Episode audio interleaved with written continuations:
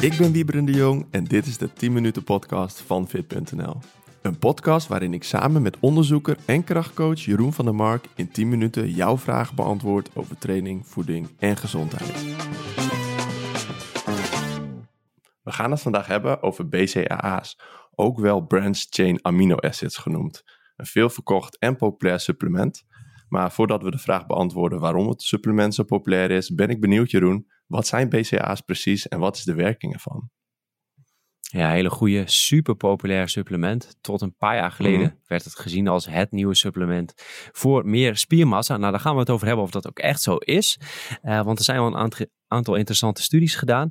Maar het is eigenlijk een combinatie van drie aminozuren. En als we kijken naar een eiwit, dus je eet een eiwit, die kun je dan opdelen in aminozuren. Nou, daar heb je dan 21 van.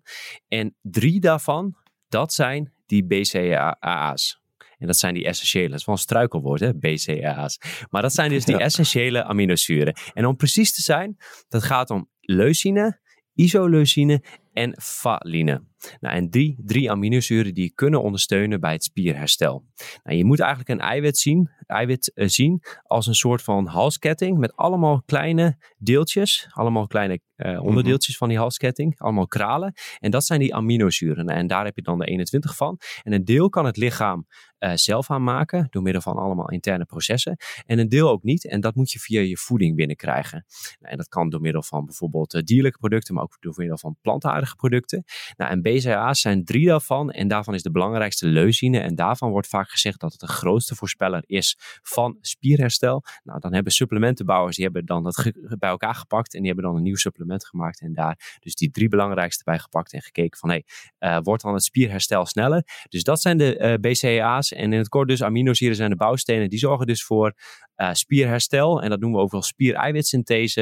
En dat gebeurt door voeding. Eerst door krachttraining, een flinke zware prikkel. Dan herstel je door middel van tijd, maar ook door voeding. En goed slapen. Mhm. En dan komt die spiereiwitsynthese op gang. Direct na je training, maar ook in de, in de uren daarna. En dan vervolgens zie je dat je spierherstellen sterker worden. En daar kun je allerlei eh, voeding van gebruiken. Hoef je niet per se BCAA's voor te gebruiken. Dus dat is alvast de spoiler die we weggeven. Eh, en dat kun je ook gewoon halen, bijvoorbeeld uit een bakje kwark. Dus dat is de korte conclusie. Dus wil je niet te lang luisteren, dan is dat eigenlijk al de oplossing. Oké, dus eigenlijk zeg jij, je kan het gewoon uit voeding halen. Waar komt de populariteit Mhm. dan vandaan eh, van zo'n supplement? Want er wordt echt heel veel verkocht. Ik eh, heb zelfs Mhm. een keer, eh, toen ik nog geen training deed, heb ik ook eens een keer een personal trainer in de gym gehoord die tegen mij zei, je moet BCAA's nemen helemaal tijdens het trainen. Dus ja, ik deed dat maar gewoon Mhm. zonder te veel onderzoek naar te doen. Ja, hoe, waar Ja. komt die populariteit vandaan? Waarom denkt iedereen dat? Ja, ik denk dat, dat, dat we altijd op zoek zijn naar een wondermiddel. Dat kan zijn bijvoorbeeld als je je slaap wil verbeteren, dat je een speciale app gaat downloaden. Eh, dat kan dat je op zoek bent naar een specifiek trainingsschema wat, wat eh, verschil gaat maken. Maar ja, als je kijkt naar alle verschillende trainingsschema's, als je gewoon hard traint, zie je niet gigantische verschillen. Dus we zijn altijd op zoek naar iets, een heel klein detail wat een gigantisch verschil gaat maken. Ik denk dat het in de mensheid zit en ik denk dat jij en ik dat ook wel hebben. En ik denk de luisteraar dat vast ook wel herkent. En dat, was, dat is ook Mhm. met supplementen. En bij supplementen zie je dat heel erg.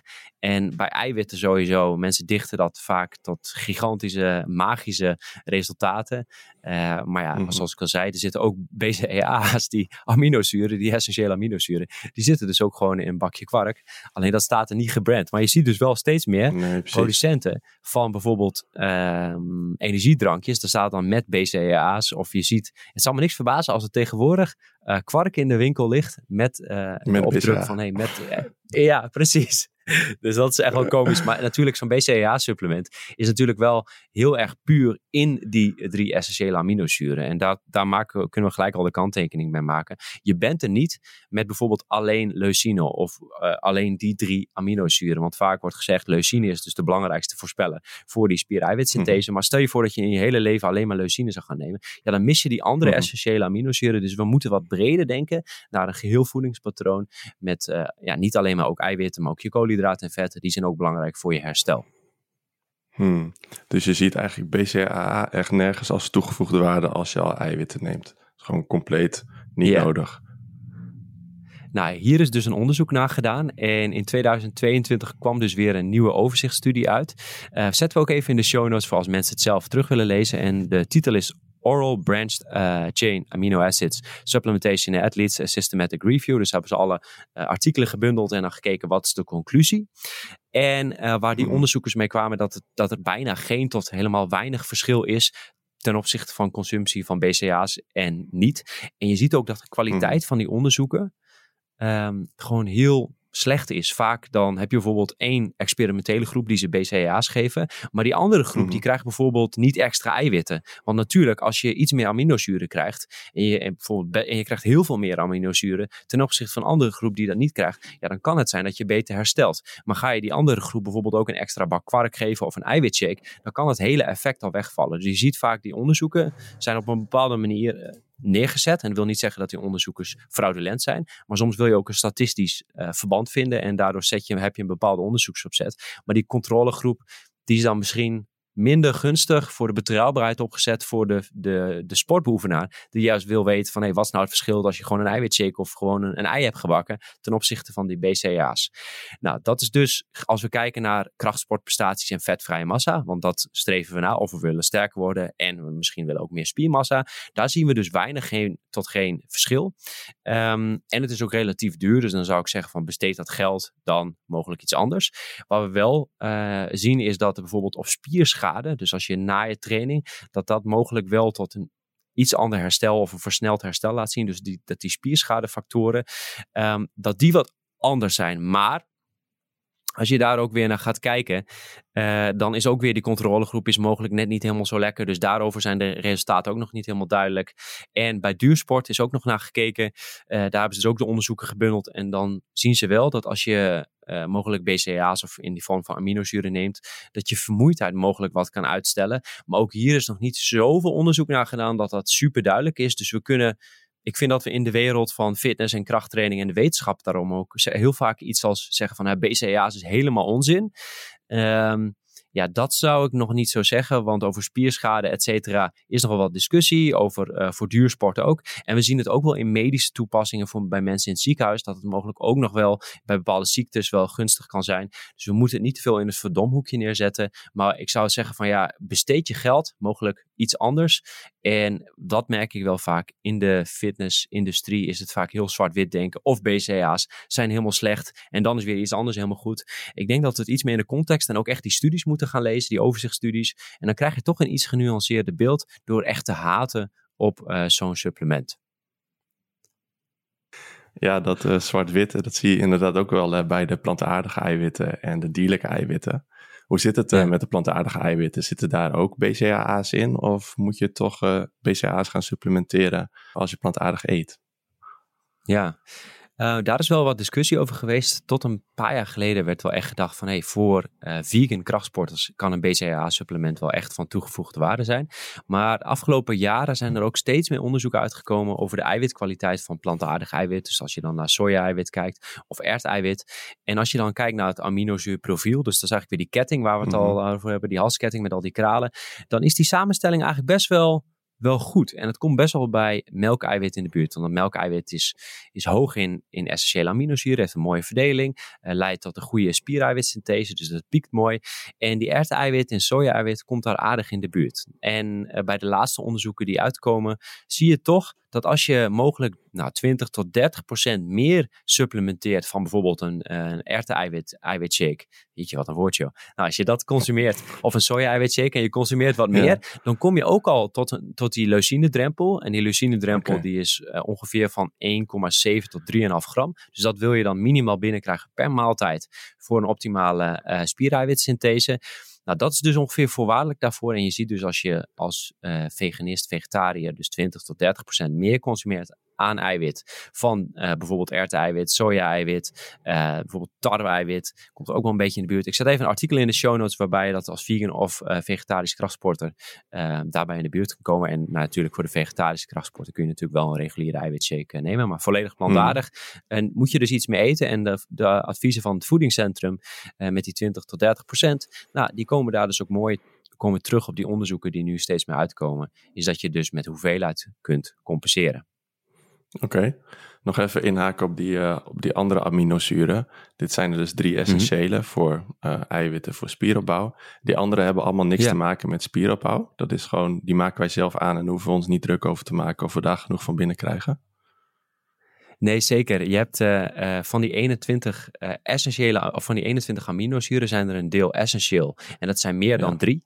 zo uit mijn hoofd zijn dat er negen of elf, weet ik zo niet precies uit mijn hoofd. Um, maar die zorg, de, de niet-essentiële aminozuren kun je dus um, zelf aanmaken. Dat kan je lichaam doen. En die andere heb je dus nodig vanuit voeding.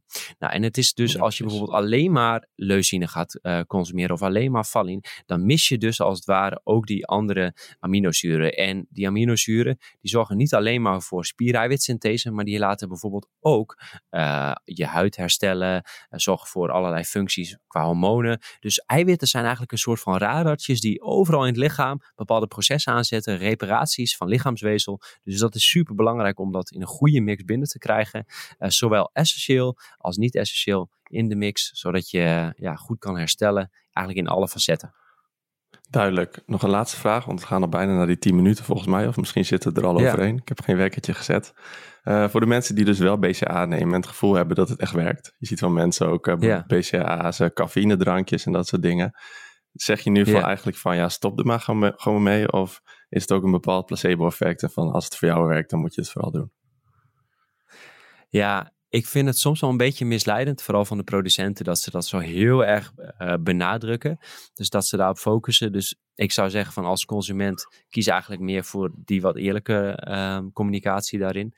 Um, ja, en voor als mensen ergens in geloven en het werkt, uh, ja, dat is fantastisch. Placebo is echt super, super effectief. Ze hebben een keer onderzoek gedaan naar doping, heb ik al eens eerder in de, in de podcast verteld. Hebben ze een groep gezegd van, nou, uh, dat, dat ze aan de doping zaten, maar ze zaten helemaal niet aan de doping. Dus die kregen dan uh, pillen, maar er zat niks in. Maar er werd verwacht dat er hmm. doping in zit. En die werden veel sterker.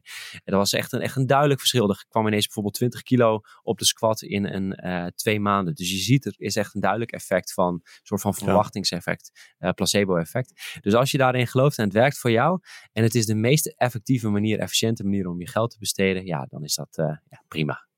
Ja, dit zijn goede vragen die je stelt, Wieberen. En die krijgen wij dus ook heel vaak binnen via onze community. En recent hebben we een cursus gemaakt over sportvoeding voor krachtsporters. Dus als je hier een beetje zoekend in bent van hey, wat is nou handig? Hoeveel eiwitten heb ik nou nodig? Hoeveel koolhydraten, vetten en überhaupt hoeveel calorieën? En ook hoe zit het met die timing? Dus hoe belangrijk is het? Welk moment moet ik precies mijn eiwitten nemen, et cetera? En vind je dat interessant en wil je daar meer over leren? Dan vind je dat in ons programma. Dat heet Fit Plan Pro. En dat is een app met een complete cursusomgeving. Waarin je weer door middel van video's uh, en uh, tips en ook schema's uitleggen hoe je dit het beste kunt doen uh, rondom sportvoeding. Dus vind je dit interessant? Ga naar fit.nl slash start voor meer informatie. En daar vind je Fit Plan Pro. En niet alleen maar cursus, maar ook trainingsschema's en voorbeeldvoedingsschema's die toevallig ook nog eens eiwitrijk zijn. Omdat de meeste mensen die ons volgen met krachttraining bezig zijn. Hartstikke mooi. Bedankt uh, Jeroen voor deze podcast en ik spreek jou in de volgende. Ja, thanks even voor je goede vragen, Wieberen. En de luisteraar ook. En jij natuurlijk ook. Veel plezier met trainen. En uh, hopelijk haal je het maximale uit je spierresten. Yes, ciao ciao.